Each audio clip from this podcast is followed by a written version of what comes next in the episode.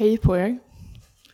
Om ni inte har hälsat på personen bredvid er eller bakom er så tycker jag att ni ska göra det. Vänd er om och hälsa på varandra så ska jag bara fixa lite.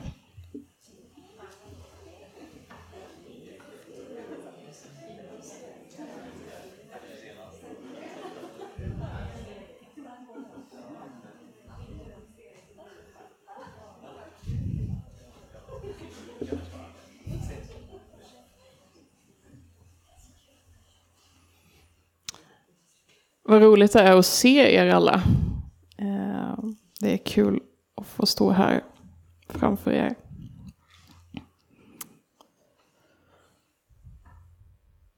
Läktarna var fullsatta. Solen sken och friidrottsgrenarna avlöste varandra. Det sattes nya rekord. Vinnarna sprang eh, segervarv runt banan. Höjdhopp, häcklöpning, kulstötning. Hela tiden fanns det massa saker att titta på. Men det var en speciell tävling som alla väntade på. Den klassiska engelska milen. Engelska milen var nämligen något mer än en vanlig löpartävling. Den var mytomspunnen. Ingen hade ly någonsin lyckats springa under fyra minuter. Fyra minuter var en magisk gräns som alla ville slå, men den var omöjlig att passera. Många löpare hade sprungit några sekunder över fyra minuter, men ingen hade kommit under. Frågan många ställde sig, var det fysiskt omöjligt att springa under fyra minuter? Löparna ställde upp sig. På era platser. Det blev alldeles tyst. Alla väntade med spänning på vad som skulle hända. Löparna gjorde sig klara. Färdiga. De vältränade kropparna spände sig och varje muskel var redo. Startskottet gick av och tystnaden på läktaren blev till jubel och hejarop. Redan efter första varvet hade Roger Bannister ledningen.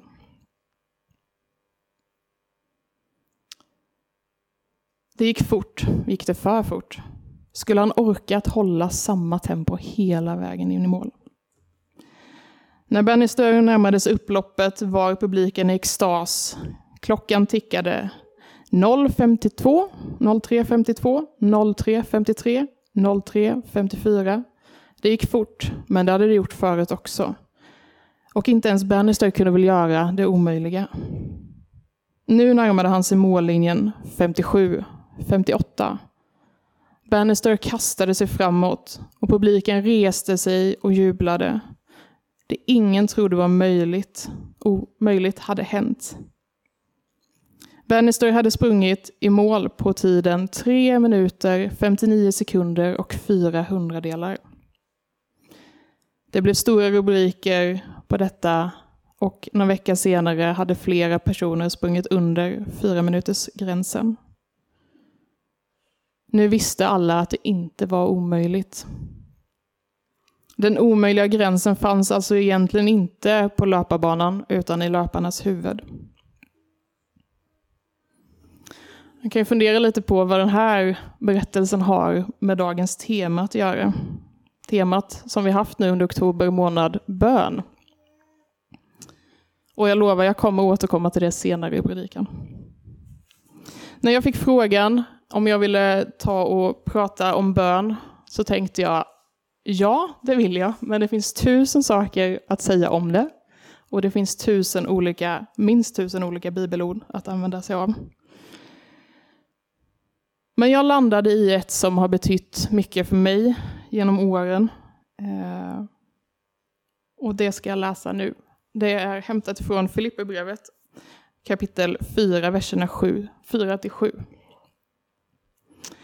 Gläd er i Herren. Än en gång vill jag säga, gläd er. Låt människorna se hur fördragsamma ni är. Herren är nära. Gör er inga bekymmer, utan när ni åkallar och ber, tacka då Gud och låt honom få veta alla era önskningar. Då skall Guds frid, som är mera värd än allt vi tänker, ge era hjärtan och tankar skydd i Kristus Jesus. I dagens samhälle, i dagens värld vi lever i, kanske det inte alltid är det lättaste att känna glädje. Utan i alla fall i mitt liv så känns det som det finns en liten oro ständigt. Som ligger och gror. Det är krig i Europa. Den ena krisen efter den andra avlöser varandra. Eh, vi har typ kommit ur pandemin. Då kommer elkrisen, då kommer inflationen ökar, mat blir dyrare, skördarna i Europa slår fel på grund av torka, för att inte tala om klimatkrisen. Och med dessa tankar i huvudet känner jag att det är svårt att känna glädje. Men Paulus vill lyfta här att ha sin glädje i Gud. Trots att vi möter motgångar så finns glädjen hos Gud. Det är där vi kan hämta den. Det är bara att se på Paulus liv. Han var en man som förföljde kristna. En man som var emot allt Jesus stod för. En man som var ute att sätta dit så många lärjungar som möjligt, att få dem i fängelse. Men på en resa till Damaskus blir han bländad av ett ljussken. Han hör en röst som talar till honom. Och när han frågar vem det är så säger rösten Jag är Jesus, den du förföljer. Och detta blev vändningen i hans liv. Han blev en av Nya Testamentets största missionärer och var ute och reste och berättade om vad som hade hänt i hans liv och berättade om Jesus.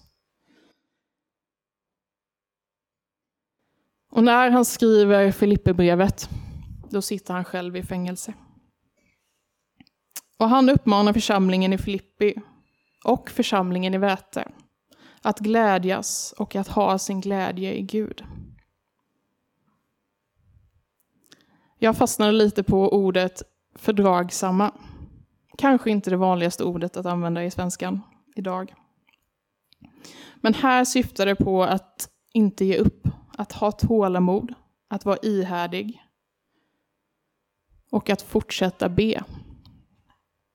I Romarbrevet 12 och 12 står det Gläd er i hoppet, var uthålliga i lidandet och ihärdiga i bönen.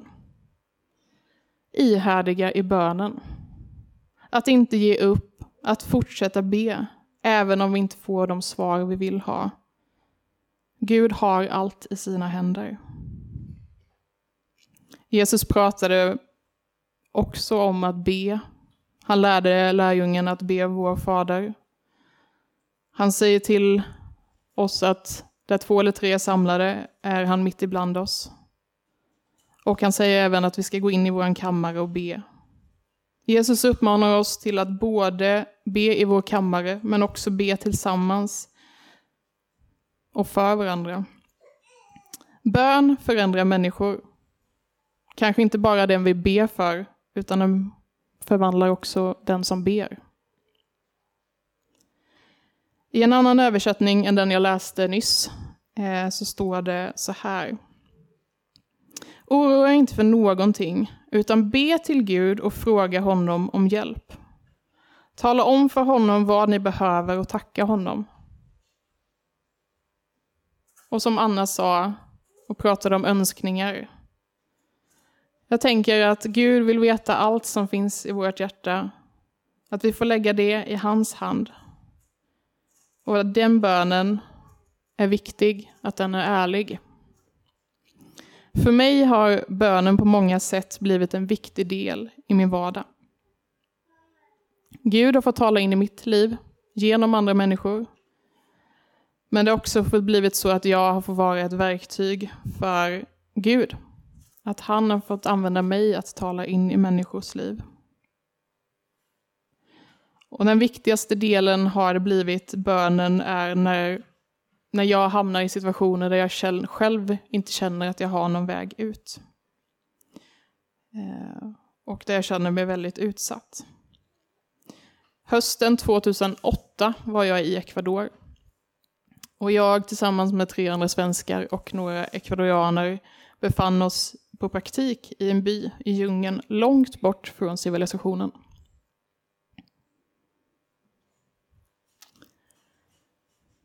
Och det fanns en väg som gick till och från den här byn. Eh, och det var inte så lätt att ta sig därifrån. En dag kommer en av församlingsmedlemmarna och berättar, ja, imorgon ska vi gå till det här berömda vattenfallet som ligger en bort, bit bort här.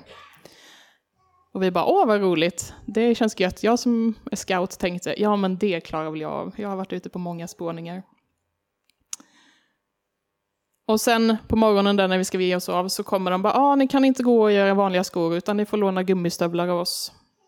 Och vi tänkte, ja ja, det går väl bra det med. Bara det att mina stövlar var för små. Så de tryckte liksom på fötterna. Och det var inte den här fina vandringsleden som vi så ofta har i Sverige som vi skulle gå på, utan det var lera. Det var sån här lera som bara så fastnar man med stövlarna. Så ni kan förstå att det var inte den lättaste färden. Och det var inte det också, det var en sak till också. Det var liksom inte den här vägen, utan det gick så här. Och ganska branta backar uppför. När vi hade gått i cirka två timmar och kanske hade ungefär en timme kvar att gå kände jag att nej, jag orkar inte mer. Jag har ingen energi, jag har ingen ork och jag vet inte vad jag ska ta vägen. Här sitter jag någonstans mitt ute i den ekvadorianska djungeln och har ingen energi. Jag har två timmar att gå tillbaka till byn där jag bodde och jag bara kände att nej, det här går inte. Vi hade med oss lite frukt så vi åt den. Eh, och sen så allihopa tillsammans bad vi om kraft. Om styrka att åka gå hela vägen. Till vattenfallet och tillbaka. Och min svenska vän hon sa till mig Sara, jag tänkte på ett bibelord. Och det står ungefär så här. Allt förmår jag i honom som ger mig kraft. Allt förmår jag i Jesus som ger mig kraft. Och de där orden fick bli min bön hela vägen till vattenfallet och hela vägen hem. De orden var också det första jag sa när jag kom in i byn och de sa jag högt. Och alla som fanns runt omkring mig skrattade och var tacksamma. Vi fick be om kraft och vi fick det. Vi lät Gud höra vår önskan.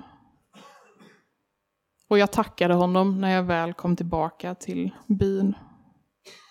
Och jag kände att Guds frid fanns i mitt inre. Jag kände där och då att Gud hade allt i sin hand och utan hans kraft hade jag inte klarat av det.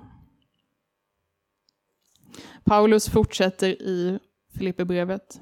Då ska Guds frid, som är mera värd än allt vi tänker, ge era hjärtan och era tankar skydd i Kristus Jesus. Så när vi har låtit Gud veta alla våra önskningar, då kommer hans frid ge oss skydd. Och det får vi vila i. För att komma tillbaka lite till Bannister som jag pratade om i början. För många löpare innan honom var det omöjligt att komma under gränsen fyra minuter. För Bannister var det inte det. Och jag tänker att det som är omöjligt för oss är möjligt för Gud. Det som kan kännas som omöjligt kan tillsammans med Gud vara möjligt. Och där blir bönen vårt redskap. Om jag ska vara ärlig så hade jag inte stått här idag framför er om det inte vore för Gud. Han har gjort det omöjliga möjligt i mitt liv. Och jag hade definitivt inte haft det yrke som jag har idag om det inte hade varit för honom. För tillsammans med honom är allting möjligt.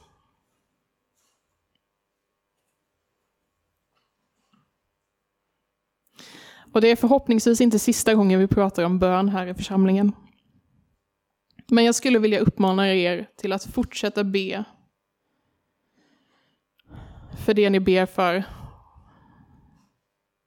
Men också våga lyssna på vad Gud vill säga. För att han talar in i våra liv, till dig och mig. Vi ber. Gud, tack för att vi får be. Tack för att vi får lägga våra önskningar, våran oro och våra ja, tacksamhet eller vad det nu är i dina händer, Herre. Och jag ber att din frid ska få råda i våra liv när vi väl har gjort det, Herre. Och hjälp oss att vara ärliga i bönen. Och uppmuntra varandra att be för varandra, att be för saker som är tuffa. Och tacka dig för att du är med oss i allt vi gör och för att allt är möjligt tillsammans med dig. I Jesu namn. Amen.